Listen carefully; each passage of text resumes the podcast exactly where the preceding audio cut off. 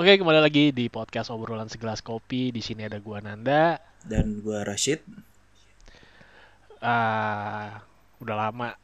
Eh, udah berapa lama sih, Teh? Terakhir kali recording ya? Dua, Mungkin- tiga. Iya, sekitar segitulah 2-3 minggu. Tiga minggu kayaknya. Oke, eh, ini kayak satu minggu terakhir ini nih, setiap buka sosmed, karena berhubung sering ngebuka yang apa berhubungan uh, bola, jadi kan ya sosmed zaman sekarang algoritmanya lu sering buka apa munculnya itu terus yang Benar, bola. benar. Ya seminggu ini tuh yang men- paling sering muncul itu tentang European Super League, bener gak tuh Sid? Betul sekali. Walaupun ya emang sih orang-orang nyebutnya sebenarnya kayak Super League aja gitu loh, tapi entah kenapa ada Europeannya segala. Ya ini awalnya tuh pas kapan ya sebelum ini rame, Rashid tuh pernah nge juga Nan ngebahas ini Nan, ini apaan? Iya. Cuman gak lama habis itu tuh mulai rame tuh di sosmed. Oh ginian tuh. Awalnya gue pas lu waktu itu bilang sih gue nggak begitu tertarik ya, cuman pas di sosmed jadi rame banget sampai bakal ada hukuman bla bla bla anjir jadi seru juga Iya, nih jadi ngeliatin. jadi ini kan jadi jadi banyak drama gitu kan. Iya, Iya. iya. Lu kan nih yang apa jadi pemerhati banget nih Sid nih, yang kayak hatam banget. Jadi dijelasin dulu lah itu. Itu ISL tuh apa tuh? Super Iya. League tuh. Eh, jadi European Super League atau kita sebutnya ESL aja ya biar gampang.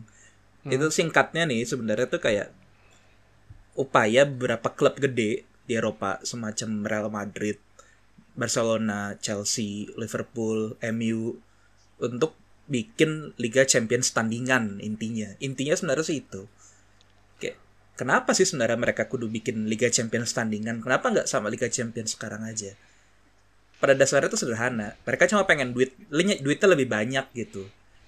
Ke, karena kan ibaratnya kan sekarang Liga Champions itu kan yang bikin kan UEFA ya atau kayak asosiasi sepak bolanya di seantero Eropa.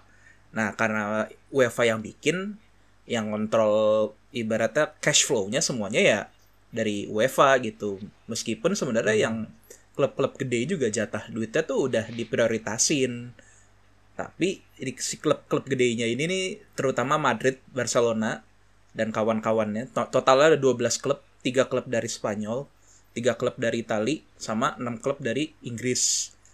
Akhirnya kayak waktu hari eh, eh, sorry, Minggu malam di waktu Inggris atau Senin pagi waktu kita lagi sahur harusnya waktu hari Senin Senin Senin pa- apa Senin subuh itu ngumumin kalau mereka yaitu bikin Liga Champions tandingan gitu.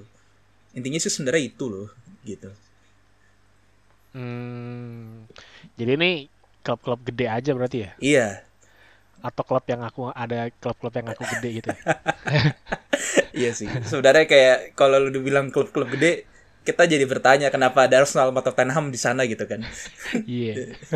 Kenapa ada dua klub itu? Ya, lah, Tottenham ya dua tiga musim terakhir emang lagi bagus sih. Arsenal ya ya udah nggak usah dibahas. Iya. Lagian juga kayak mereka ibaratnya gini kalau dihitung-hitung ya kayak Tottenham, eh, Arsenal sama City misalnya. Mereka belum pernah juara Champions League atau Liga apa atau Piala Eropa gitu. Bahkan ada tim-tim lain di Inggris atau di Belanda kayak Ajax misalnya yang udah juara empat ka- yang udah juara empat kali tapi nggak diundang gitu. Kan kesannya aneh banget kalau iya nggak sih? Kalau dia bilang tim-tim besar gitu dalam tanda kutip Iya. Eh tapi kalau PSG, Munchen, Dortmund itu nggak join ya? Iya, jadi katanya sih sebenarnya mereka bertiga termasuk yang tadinya mau bikin klub pendirinya tuh nggak 12 tapi 15. Tapi si PSG-nya ini nih karena sekarang dia tuh udah ibaratnya dekat sama si presiden UEFA Alex Severin. Dia nggak si PSG tuh nggak mau. Kayaknya sih udah diajak sebenarnya.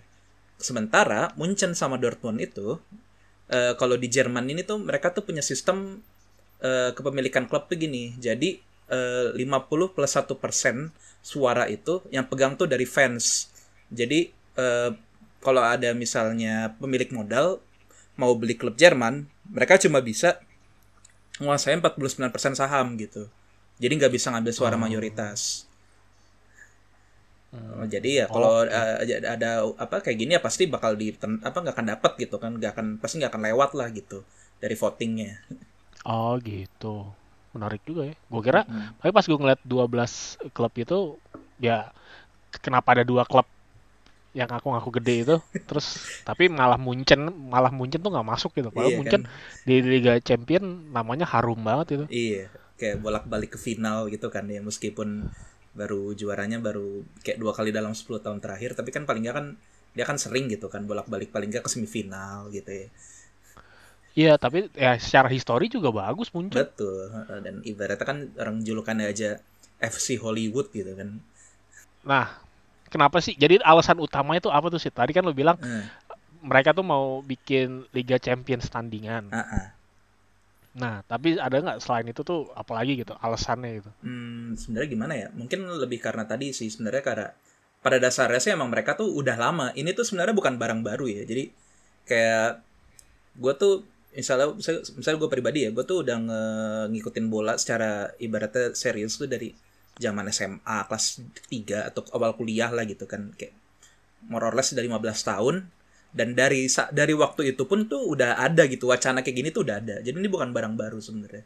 Tapi itu tuh lebih ke kayak permainan politik antara si klub-klub gede sama UEFA dan FIFA gitu karena ya tadi kan banyak klub yang nggak demen sama jatah pembagian uangnya ini dan mereka juga eh, secara kebetulan eh, apa namanya keba- sebagian dari mereka ini nih pemilik-pemiliknya ini asalnya dari Amrik di mana di US itu kan olahraga paling populer itu kan NFL, NBA sama ini kan eh, MLB ya. Gua goin dulu Iya, ya. MLB. Nah, NFL tuh yang buat American football, eh, MLB yang baseball, NBA yang basket gitu kan. Dan mereka ini tiga-tiganya ini kan sis model liga apa kompetisi ya itu kan nggak ada kompetisi apa nggak ada promosi atau degradasi yang ada kan mereka bertanding terus playoff dari baru dari playoffnya dapat siapa juaranya kayak gitu kan modelnya Hmm, hmm, hmm. dan ini apa namanya eh, kalau gue pernah lihat datanya itu tuh eh, misalnya ya se- sebagai perbandingan waktu tahun 2019 kemarin sebelum pandemi kayak pemasukan eh, total pem- pemasuk eh bukan pemasukan keuntungan profit yang diambil sama misalnya lima liga besar di Eropa kayak Inggris, Spanyol, Itali, Jerman sama Prancis digabungin itu cuma sekitar 20 ini cuma ini gue bilang cuma karena ini ya 20 kayak 20 miliar dolar. Itu cuma sepersepuluhnya kalau nggak salah sepersepuluh apa seperlima apa berapa gitu dari yang didapat sama NFL padahal NFL kan populernya kan cuma di Amerika doang kan Iya, Nah, Amerika Utara sih. Nah, gitu kan. Dan ibaratnya mereka bisa ini lebih lebih banyak gitu. Kenapa? Karena mereka tuh sistemnya sebenarnya meskipun itu apa namanya kesannya kapitalis gitu kan, uangnya yang penting dapat uang, dapat uang, dapat uang. Tapi sebenarnya tuh mereka sistemnya relatif sosialis karena ibaratnya gini, lu begitu mulai lu dapat jatah eh, duit sama banyak, lu dikasih salary cap atau batasan gaji sama untuk semua klub Terus kalau misalnya lu apa ibaratnya posisinya paling bontot, lu dikasih kesempatan untuk eh, mendapat eh, pemain muda terbaik paling duluan gitu kan. Hmm, draft dari draft iya, iya, system iya, iya. gitu Draftnya kan. iya, Nah, draft, draftnya kan based on Hmm. klub yang paling bawah dulu kan. Nah, klub yang paling bawah dulu Pak dia dapat jatahnya yang paling depan. Yang klub yang Mm-mm. juara dapat jatahnya paling belakang.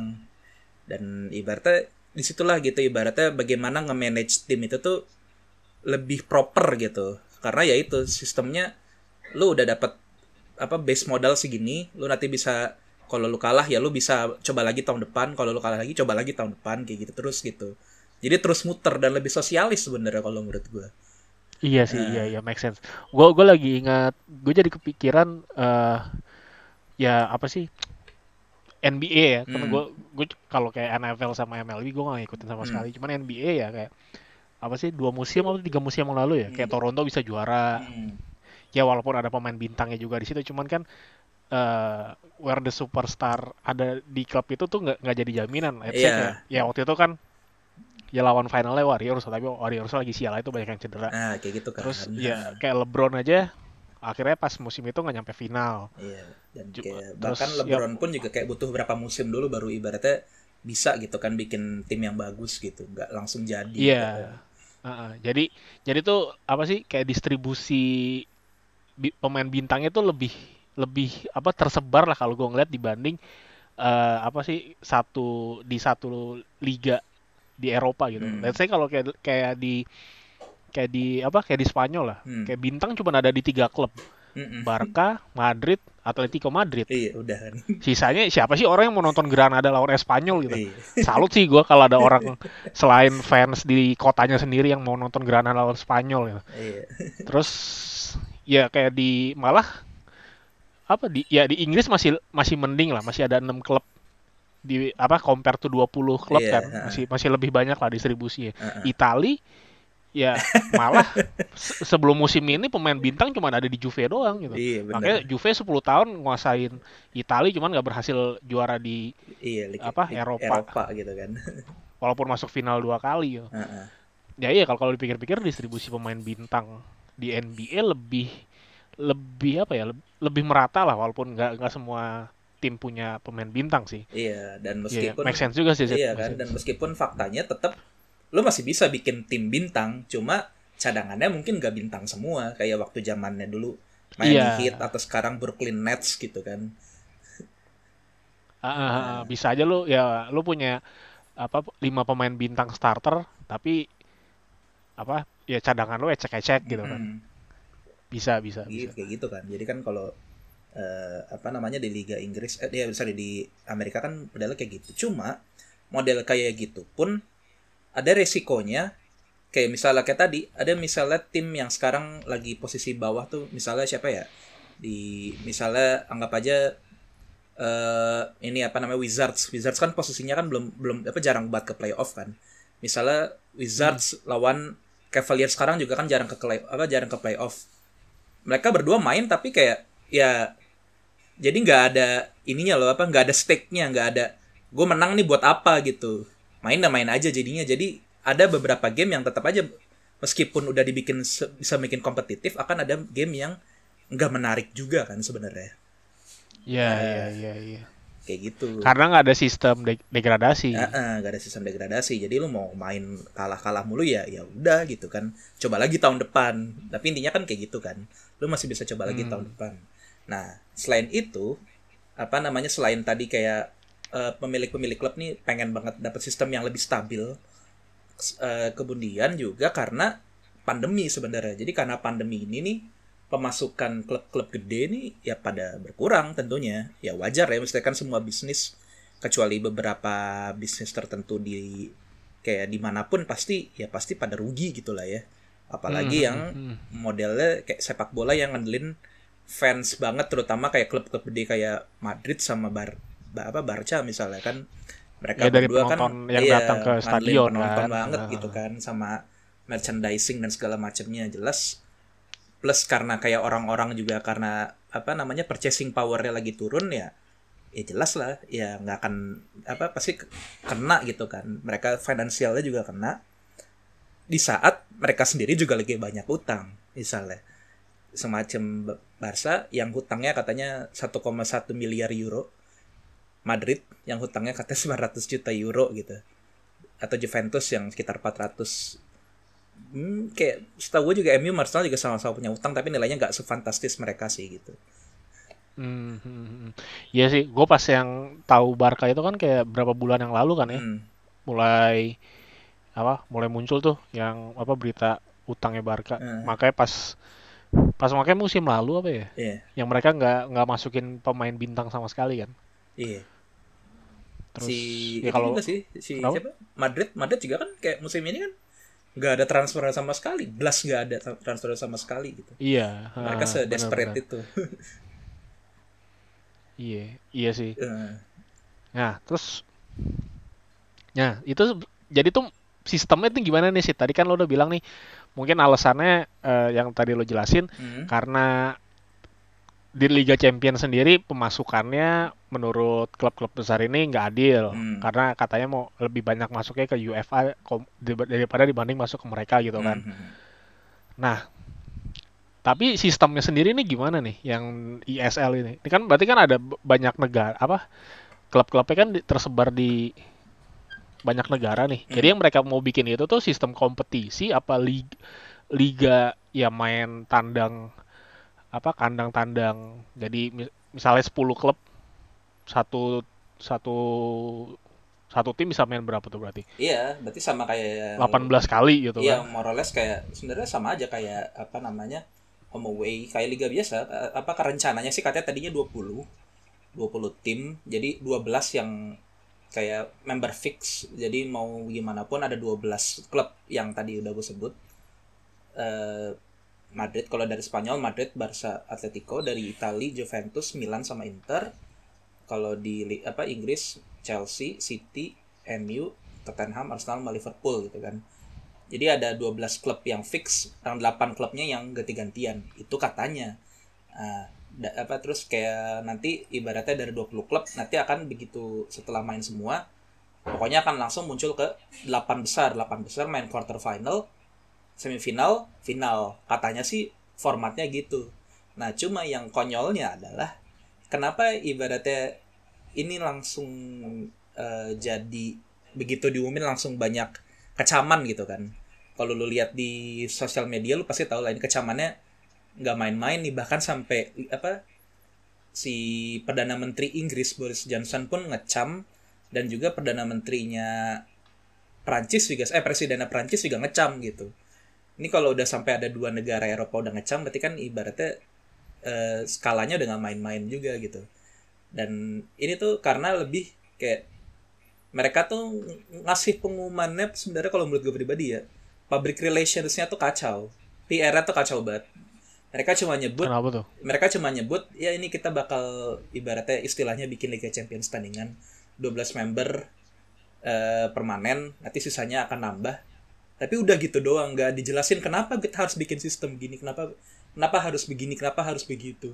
Itu tuh nggak ada belas nggak ada penjelasan sama sama sekali dan ibaratnya ya wajar lah orang pada panik gitu kan. Ya lu ngasih tiba-tiba ngasih bom nggak ada penjelasan terus kayak yang di yang dibayang bayang semua klub yang gak yang gak terlibat pasti wah ini kalau ada 12 tim cabut berarti nilai liga liga kita juga dijelek dong liga champions jadi berkurang karena klub gedenya berkurang liga Inggris juga bakal berkurang karena 6 dari klub dari 20 klubnya juga nggak bakal ibaratnya jadi terdistraksi gitu Sid- kan Sid, itu maksudnya eh mereka udah siap berarti kalau kayak gitu mereka udah siap ngundurin diri dari liga negara masing-masing dong. Apa enggak? Yang ditakutin sama liga apa yang lain kayak gitu. Tapi sebenarnya mereka katanya sih intinya cuma buat nggak mau ikutan Liga Champions saja cuma kan ibaratnya ada ketakutan misalnya kalau lu main di Li- Superliga nanti kalau band di liganya ya lu pakai tim cadangan aja juga nggak apa-apa dong. Ya orang lu ibaratnya mau posisi lu di posisi 10 atau posisi 15 juga lu tahun depan bakal ikut lagi tuh Liga Super gitu kan Hmm. jadi kayak kan kalau kayak gitu kan ya yang pertandingan di liganya juga jadi gak bakal menarik dong meskipun misalnya MU lawan Liverpool tapi nanti kalau besoknya ada ada di dapat di Super League ya udah kita mainnya yang di sini yang santai-santai aja. Kayak gitulah yang ditakutinnya sebenarnya kayak gitu. Cuma kan eh, yang lebih ditakutinnya adalah karena ya kalau misalnya klub-klub gede ini ibaratnya makin tajir ya kesenjangannya makin gede aja gitu kan sekarang aja udah ada kesenjangan kayak misalnya di Spanyol, di Itali, dan di Inggris. Kayak di Inggris pun kayak tadi kan kayak yang menang liga selama 20 tahun terakhir cuma Big Six dan satu lagi terakhir cuma Leicester itu doang yang yang beda gitu selama 20 tahun terakhir misalnya. Iya iya iya, kebayang sih gua. Jadi eh cuman eh gue sempet ini nih karena pas mingguan ini nih rame di apa sosmed Hmm? ada satu pembahasan dari coach Justin apa Ah iya. dan menurut gue sih gue gue setuju sih kalau dari yang sekilas yang dia gue malah ngeliat apa postingan videonya di TikTok apa Mhm. jadi itu dia ngebahas Liverpool aja pas juara kemarin itu cuma dapat 111 juta apa. Mhm. nah tap itu aja kan kayak ya lo harus lo supaya dapat 111 juta lo harus juara gitu loh Betul. sedangkan kalau lo ikut ISL lo baru join aja udah dapat berapa 300 apa 300 katanya. Iya, 300 350 Iya. katanya. Iya, maksud gua ya kalau dari segi duit dan kalau compare ke NBA kayaknya ya wajar sih klub-klub gede itu. wajar jadi ngincar nah tapi kalau jadi selama satu minggu ini malah gue ngeliatnya ya kalau kita ngeliat dari sisi fans yang apa sih ada historical kayak ya let's say lah tim apa favorit gue Milan Hmm. ya kayak for the last one decade ini kan ya fuck up banget gitu kan. Cuman Iya, betul. kita masih ada kebanggaan dari zaman dulu yang apa eh, nomor 2 di Liga Champion dan di Iya. Italia nomor 3 ya kayak gitu. Ya, ya kayak gitu masih ada kebanggaan. Cuman ya once mereka pas awalnya gue bikin oh paling ya udahlah bikin liga baru. Cuman kan ternyata UEFA sama FIFA kan bikin ancaman ya nggak main-main juga malah level ancamannya sampai ke level pemain kan. Pemain Iya, yang bakal betul. di ban iya sih kayak ngeri-ngeri sedap juga. Iya, memang sih. Maksudnya, emang kalau lu lihat secara finansial itu make sense. NBA kayak tadi lu bilang nilai kontraknya jauh lebih gede.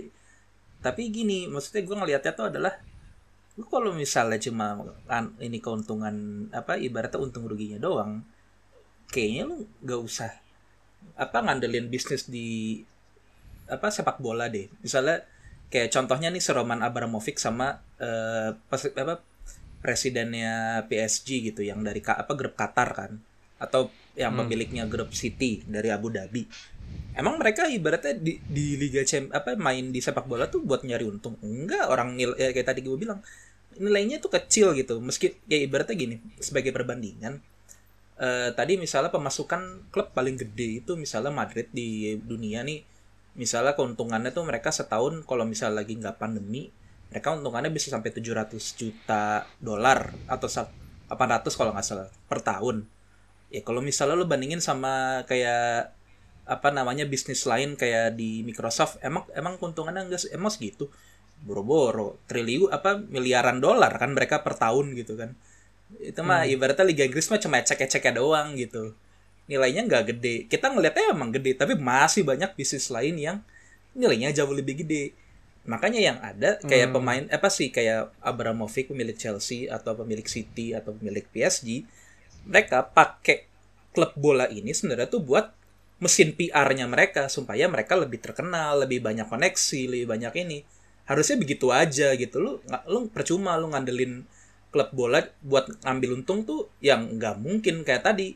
Karena lu buat dapat menang Liga Champion 100 juta aja itu susah banget dan itu nggak belum tentu berhasil tiap tahun gitu kan Iya, tapi kan tadi kan lo ya nyebutin eh, klub-klub yang di apa yang dipunyain sama konglomerat lah. Cuman kan kalau Iya. kayak Real Madrid kan sebenarnya kan bukan klub konglomerat kan aslinya. Tapi Aslinya. klub enggak, ya maksud gue bukan dimiliki oleh satu entitas kayak perorangan atau satu perusahaan gitu. Setahu gue Ah. Madrid tuh lebih lebih Madrid sama Barca tuh mirip-mirip deh sistemnya nggak sih? Kayak yang di iya, dimiliki oleh ra- apa? eh, iya, warga segolongan, kan iya sebenarnya. segol ada ada apa nggak nggak cuma satu orang gitu harus segolongan emang Heeh. mereka sistemnya gitu tapi ya tetap aja faktanya yang paling gede tetap si presidennya masing-masing gitu makanya kan mereka ibaratnya mereka buat jadi presiden itu tuh taruhannya nggak main-main gitu kan karena bisa ya tadi gue bilang tadi lu lu dengan jadi presiden di klub gede kayak semacam di Barca atau di eh, Madrid lu political power lu jadi gede contohnya kan kayak dulu pemilik Milan si Berlusconi begitu dia jadi pemiliknya di tahun 80-an kan setelah itu kan dia jadi langsung apa jadi perdana menteri kan di tahun 90-an gitu Iya. dia gunain Iya, itu benar. buat kendaraan politik dan harusnya ya gitu aja gitu lu nggak lu nggak perlu ngandelin itu buat untung rugi tapi buat kendaraan lu sendiri gitu kalau menurut gue main kayak gitu sih masih wajar gitu Kalau kalau gue sih ngeliatnya gini, maksudnya hmm, ya Madrid Madrid punya utang gede gitu. Iya Terus kan. kayak Hmm. Barca Barca punya, punya utang gede. hmm. Soalnya kan mereka kan nggak di backup sama apa konglomerat Arab sama konglomerat Rusia gitu kan. oh Jadi kayak jadi gue gue sih nangkepnya ya kayak kayak Juve lah. Juve Hmm. walaupun yang punya adalah konglonya di Itali, hmm. cuman ujung-ujungnya ya duit mereka tetap terbatas kalau compare sama PSG, compare sama Chelsea gitu. Hmm. Chelsea malah ikut. hmm. Maksud gue ya mereka still need money gitu loh. benar apa, apa mereka tetap butuh uang ya tapi lebih karena kalau menurut gue pribadi yang gue ngelihatnya mereka itu utang segitu gede itu lebih karena mismanagement ya kayak contohnya lu beli pemain kayak Coutinho 140 juta apa 140 juta pound sterling terus cuma jadi pemain cadangan. Sekarang aja masih baru dipakai.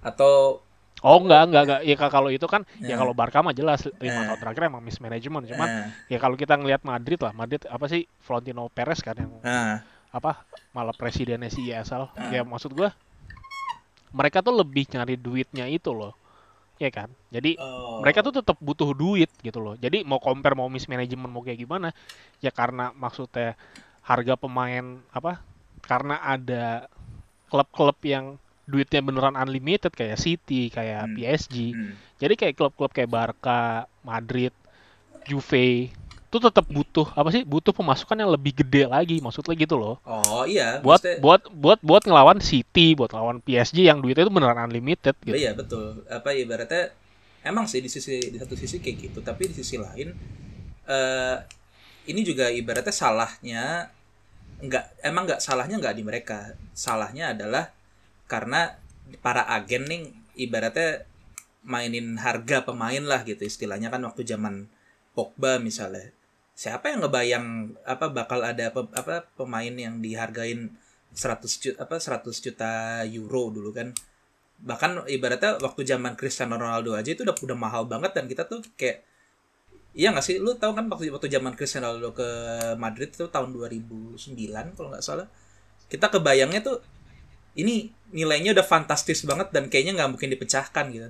Ternyata bakal dipecahkan juga karena ya itu sih sebenarnya lebih karena ke klubnya yang salah lu mau beli pemain semahal itu eh, sementara karena dia tuh pengen beli sukses gitu. Terus lu begitu udah ngeluarin pengeluaran banyak tapi pemasukan yang gak mencukupi lu jadi carinya ya udah lu mau nggak mau kayak ibaratnya gali lubang tutup lubang gitu kalau menurut gue pribadi gue lebih lihatnya ya kayak gitu ya sih. Paham gua Eh, paham gua.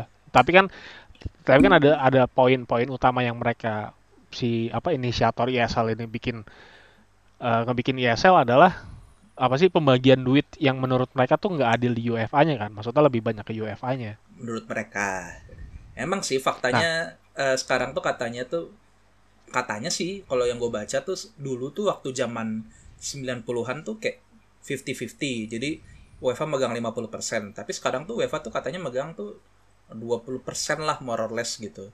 Iya iya cuma maksudnya kayak itu kan ibaratnya kan kisah sensasional gitu loh kalau menurut gue pribadi. Itu kan kayak kisah tabloid jadi kan kayak masih jadi rumor. Tapi memang benar eh, yang dibilang apa namanya UEFA itu korup dan mereka juga nggak terbuka itu benar.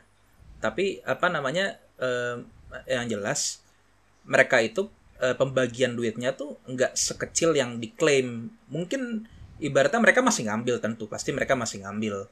Cuma berapa gedenya itu tuh kalau menurut gue pribadi nggak sebesar yang dibilang sama diklaim sama klub-klub mereka itu. Kalau menurut gue pribadi tuh mereka udah udah lumayan gede dikasihnya. Cuma emang faktanya ibaratnya mereka ya itu tadi ya yang namanya lu kalau udah masalah greed gitu ya lu mau dikasih duit sebanyak apa pun tetap aja pengen lagi gitu. Endingnya gimana jadi? Itu kan diumumin tadi gue bilang eh, Senin malam waktu eh sorry Minggu malam waktu Inggris atau Senin subuh waktu kita begitu itu diumumin langsung kecamannya dari mana-mana tadi gue juga bilang. Dari apa mantan pemain dari broadcaster dari ibaratnya dari ini kan dari pemain-pemainnya sendiri juga pada protes. Kayak bahkan waktu dan lebih lucunya lagi adalah eh, itu kan diumumin kan tadi kan minggu malam. Nah, terus waktu itu Liverpool, salah satu klub yang terlibat, mereka harus main hari Senin besoknya gitu. Eh, terus begitu mereka mau main, begitu lagi latihan, apa eh bukan latihan apa namanya, pemanasan, klub lawannya Le- Leeds United langsung pada pakai kaos protes gini gitu ya. Football is for the fans katanya. Lu kalau mau ke Liga Champions ini dong emang harus emang harus menang gitu istilahnya. Dan kayak ujung-ujungnya tuh kayak mereka apa pemain-pemain Liverpool sama pelatih Liverpool si Jurgen Klopp juga jadi merasa dipojokkan gitu kan. Karena mereka merasanya lah ini keputusannya yang ngambil pemilik klub gua gitu. Gue juga kagak mau gitu kan. Dan apa namanya di hari berikutnya waktu hari Selasa eh, waktu itu tuh kalau nggak salah Chelsea lawan Brighton. Nah ini apa namanya banyak fans yang ibaratnya turun ke jalan gitu. Protes dan akhirnya fansnya siapa? fansnya Chelsea. Karena Chelsea Hmm. juga terlibat kan nah terus terus? karena dan karena ibaratnya apa namanya kayaknya udah sama escalate plus kayak tadi kalau menurut gue sih sebenarnya bukan karena fans ya lebih karena si Boris Johnson juga udah ikutan gitu udah ikutan ngomong dan dia udah nyuruh kayak apa namanya uh, menteri olahraganya tuh ini deh kita bikin review deh nih ini situasinya kayak gimana ke depannya. Dan nggak lama setelah itu gue gue juga baca sempet salah satu apa namanya uh, salah satu sponsor Liverpool sampai mutusin kontrak gitu gara-gara si Super League ini. Habis itu karena nggak lama nggak lama sebelum si Chelsea main Chelsea ngumumin oke okay deh kita nggak jadi deh ke Liga Super League. Habis itu City juga ikutan habis itu udah empat klub sisanya pada ikutan juga. Jadi kita nggak jadi ke Super League gitu. Nah terus yang negara lain gimana? Nah setelah itu yang dari Italia yang akhirnya mulai Milan sama Inter duluan yang mulai oke okay deh kita nggak kita juga nggak jadi ikutan. Atletico juga menyusul dan waktu itu Juventus bilang oke okay nih kalau misalnya dari 12 tim 9 mundur ya kita nggak bisa melanjut dong. Jadi si Super League-nya rencananya ya ditunda di apa di stop dulu gitu. Tapi mereka depending kan? Depending jadi mereka nggak bilang ini cancel mereka bilang ini depending gitu. Iya iya iya Iya. Gue gue malah yang Inter sama Milan itu gue nggak denger sama sekali tuh. Ada sih. Gue malah taunya jadi ketika enam klub dari Inggris tiba-tiba mundur semua, hmm. terus Atletico juga mundur, terus tiba-tiba Florentino si Florentino Pereznya maju kan, iya. udah nih dipending dulu gitu. Uh. Anjir nih Milan sama Inter yang Itali adem-adem ayam aja cuman kayak terakhir gara-gara yeah. si Iya sih, tapi maksudnya emang apa namanya mereka media exposure-nya ke Inter sama Milan tuh nggak terlalu intens sih, lebih intens yang ke 6 klub Inggris ini karena protesnya lebih kenceng kan di Inggris daripada di Itali sama Spanyol. Bahkan di Spanyol pun katanya tuh kayak e, mereka sebenarnya ya cuma kecewa aja tapi nggak protes-protes gimana banget gitu. Di Italia apa di Spanyolnya sendiri gitu karena emang kayak emang mereka apa namanya ya pada dasarnya tahu lah ya kan Barca sama Madrid kan klub gede jadi kayak ya udah ikutan aja lah apa katanya mereka gitu kan masalah kan sampai awalnya cuma sampai level klub hmm. level klub tuh mereka masih masih masih ngotot tuh pas sampai ke hmm. level pemain baru tuh mereka udah mulai melunak gue ngeliatin trennya kayak gitu karena hmm. kayak siapa sih pemain yang nggak mau main di timnas hmm. nah ketika pemain ketika sisi pemain yang disenggol sama FIFA sama UEFA mereka mulai melunak karena bisa aja pemain-pemain ini malah angkat kaki gitu loh. Betul sih. Karena itu... kalau pemainnya angkat kaki, fans mau kayak gimana pun ya nggak bakal nonton juga gitu loh. Benar. Itu benar. Nah itu. Uh -uh. Uh, ditambah ini ya kalau gue pribadi ditambah tadi apa namanya tekanan langsung ke pemerintah. Jadi nggak cuma ke UEFA sama FIFA doang karena ibaratnya kalau misalnya ini struk apa secara hukum ibaratnya mereka bisa diganggu istilahnya yang ada sponsor pasti bakal narik diri semua kan. Mereka nggak mau ikut ikutan sama legal case gitu. Apalagi yang ibaratnya bakal panjang nih. Makanya kan ya gue bilang tadi bahkan tadi sponsor Liverpool juga langsung tarik diri. Terus uh, broadcasting itu nggak ada yang mau ngaku. Sebenarnya yang ini mau broadcast ini siapa? Super League gitu kan. Jadi ya udah begitu udah tarik diri masing-masing udah. Jadinya sekarang ketunda gitu kan plannya. Ya ketunda. Cuman gue yakin some sometime in the future bakal dicoba lagi sih itu. Gue setuju. Gue gue gue juga yakin apa namanya in the matter apa in the matter of time entah setahun dua tahun atau lima tahun entah kapan pasti dicoba lagi. Dan gue gue yakin pasti dicoba lagi. Nggak ini nggak nggak mungkin mereka mau berhenti di sini aja gitu. E, gue ngelihatnya adalah setelah ibaratnya enam klub Inggris ini cabut gitu kan ketahuan gitu. Ini kayak ini tuh masih gak jelas gini loh. Ini tuh apakah komitmen apakah kayak janji-janjian antar klub apa gimana terus ditambah kan gini ya apa namanya pemilik-pemilik klub ini kan kepentingannya kan beda-beda kan. Ibaratnya kayak tadi Barca sama Madrid jelas mereka butuh duit. City sama Chelsea mereka nggak butuh duit. Tapi kenapa mereka ikutan? Ya karena mereka takutnya kalau misalnya ada 10 klub lain misah terus mereka nggak ikutan mereka takutnya mereka bakal jadi apa namanya ketinggalan istilahnya ketinggalan kereta gitulah. Dan Hmm. Itulah apa komentar karena ada tekanan plus apa ada tekanan fans tekanan pemain terus tekanan dari pemerintah juga dan sponsor juga udah langsung ibaratnya nggak mau ngakuin apa maksudnya mau tarik diri masing-masing gitu kan nggak mau terlibat.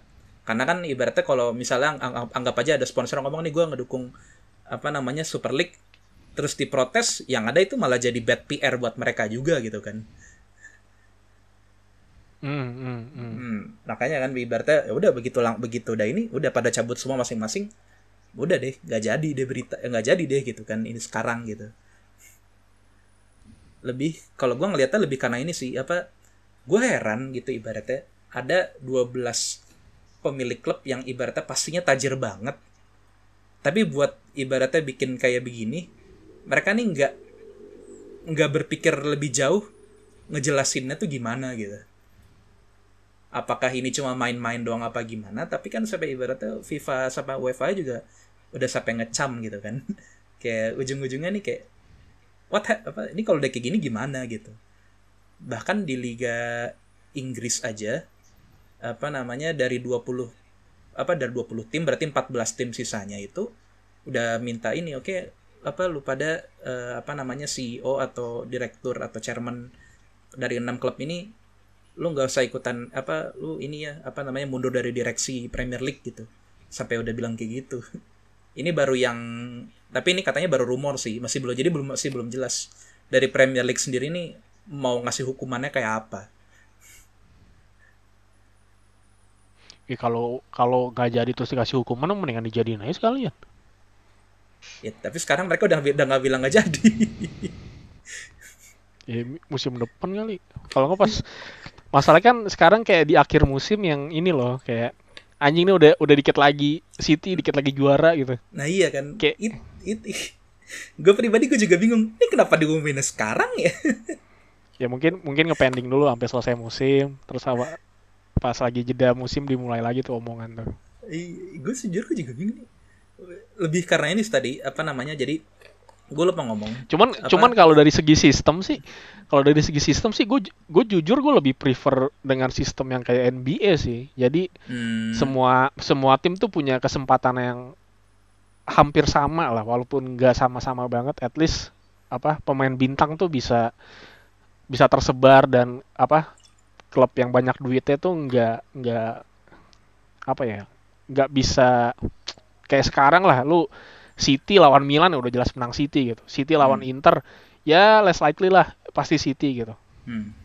ya sekarang lo lihat lah Atalanta Lazio lolos di lolos di apa lolos ke perempat final. Iya kan. maksudnya Ah, kno- knockout phase ya udah pasti Nah. kalah gitu loh. Menang hoki terus selanjutnya kalah ya udah wajar gitu loh. Kayak Ajax waktu pas musim lalu apa dua musim lalu tuh yang sampai musim. semifinal ya? Iya iya Dut yang tiga musim lalu sorry. Eh dua musim lalu. Ah. iya Nah. ketika mereka lolos anjing keren keren kalah ya udahlah wajar. Kayak kayak- kayak momen-momen yang kayak gitu yang sekarang kayak yang punya duit apa sih? Ya itu loh kayak terpusat banget kayak ya Spanyol cuma ada Barca tiga tiga klub apa di Premier League ada enam klub gitu. Hmm. Itali cuman empat klub gitu. Iya. kayak, kayak anjing. Dan sekarang Itali kastanya di bawah Spanyol sama Ital apa Inggris. Iya. Itu loh pembagian duit-duitnya itu loh. Mau kayak gajinya gajinya Neymar berapa sih? 30-an ya? Iya. Anjir gaji di Milannya paling tinggi cuma 6 juta. Ya wah Iya, ya kayak- itu sih. kayak kayak, kayak kejomplangan kejomplangan kayak gitu. Maksudnya ya apa ya? Ya itulah yang UEFA kalau nggak bisa ngefix masalah itu tai juga sih. Benar. Dan apa namanya mesti kalau gue ngeliatnya ya dari dari kalangan yang ibaratnya yang penonton sepak bola tuh mereka juga nggak nggak bilang sistemnya UEFA ini bagus kok. Istilahnya gini kayak ini ada setan ada setan ada setan satu ada setan dua gitu. Yang setan satu ini udah bilang nih Super League. Sekarang yang setan dua ibaratnya mereka mau bikin format Liga Champions yang timnya lebih banyak dari 32 tim ke 36 tim. Terus jumlah pertandingannya dari 6 ke 10 gitu itu pun kayak sebenarnya nggak semua klub setuju gitu. D- tapi dan lucunya adalah salah satu yang udah setuju itu adalah Juve sama MU si Ed Woodward sama Agnelli gitu. Mereka udah setuju sama si Severin si, apa presi, presiden UEFA. Terus tiba-tiba mereka ngumumin iya gue bikin Super League. Ih, kayak gimana gimana si Severin yang gak marah ya? Kalau Agnelli ya bodo amat sih gue Juve tapi ya kalau apa sih kalau komentarin format yang baru kayak fuck juga nggak sih? Kayak Iya, anjir bener, lah jadi bener. jadi sistem Jadi apaan? sistem liga anjing banget. Kayak maksudnya, ini ya- sih? ya makin gak makin gak masuk akal aja gitu loh. Kayak lu bener. tanding bisa lebih banyak terus belum lagi apalagi Liga Inggris. Ada FA ada Carling Cup. Iya. Kayak anjir banyak amat kayak gitu gitu Iya betul. Ya emang ibaratnya kita juga emang kalau gue ngeliatnya emang ini yang bikin ini masalah ini terjadi adalah eh, UEFA-nya sendiri gitu. Dan secara nggak langsung sebenarnya liga- apa Premier League sih. Jadi kalau lo tahu sejarahnya dulu kan Premier League itu kan tadinya kan yang bikin si apa namanya liga liga Inggris gitu. Begitu liga apa di tahun 92 24 klub memisahkan diri bikin liga sendiri gitu karena ibaratnya mereka yang paling gede ya udah mau nggak mau ya yang liganya turun kasta jadi sekarang jadi yang level di bawahnya Premier League gitu. Oh gitu. Iya. Sebenarnya ya technically yang mulai ya Premier League juga apa namanya sistem-sistem semacam ini. Ya udah bikin yang skala Eropa nggak apa-apa lah harusnya. Iya cuma kan ibaratnya kan kalau tadinya yang ngaruh cuma di Inggris doang sekarang kan ngaruhnya nggak cuma ke Inggris doang kan lu bisa ngaruh ke Italia ke Spanyol ke Jerman bahkan ke negara-negara yang lebih kecil. Protesnya skalanya lebih gede. Dan ya itu sih sebenarnya kuncinya itu untuk ngeberesin supaya ini nggak terjadi adalah menurut gue emang salary cap yang keras kayak di NBA gitu. Lu salary cap harus beneran dipatuhin gitu. Supaya yang nggak ada kesenjangannya nggak terlalu lebar gitu kan. Meskipun bahkan bahkan NBA meskipun ada salary cap tetap aja kan nggak semua tim bagus gitu kan. Misal dari dari NBA tuh ada berapa tim sih? 30 kan ya kalau nggak salah. 15 barat 15 timur. Dari 30 tim itu juga kan Hmm. nggak semuanya kompetitif kan. Biar paling yang kompetitif cuma 10 di barat 10 di timur sisanya ya gitu-gitu aja gitu kan. Emang. Ya gitu sih. Gue denger denger ya masih ada bisa ada hukuman lanjutannya kan? Kayak buat Madrid atau buat klub Itali iya dan ini juga nggak tahu sih ibaratnya ya yang klub Inggris yang udah menarik diri ini adakah financial penaltinya atau enggak juga ke eh, apa ibaratnya ke Madrid dan ke Barsanya apa gimana nggak tahu juga. Kayak makanya nih kayak masih misteri nih. Ini setelah ini apa gini? Setelah gagal gitu. Ya ya wah, kalau hukumannya terlalu berat paling dilanjutin lagi musim depan. Ya itu sih. Kayak makanya menurut, menurut gue ini lebih kayak ini jadi kayak dramanya belum berakhir gitu. Ini tadi apa eh, ISL gagal ini tuh ini baru Act 1 gitu. Act 2 nya masih masih bakal berjalan gitu. Nanti gimana konfl- gimana ujungnya Iya. juga kita belum tahu kayak gimana sekarang. Ya wes lah. Ya wes paling untuk episode sekarang sampai di sini udah dulu. kepanjangan ya. Sekian aja dari kita. Bye. Bye bye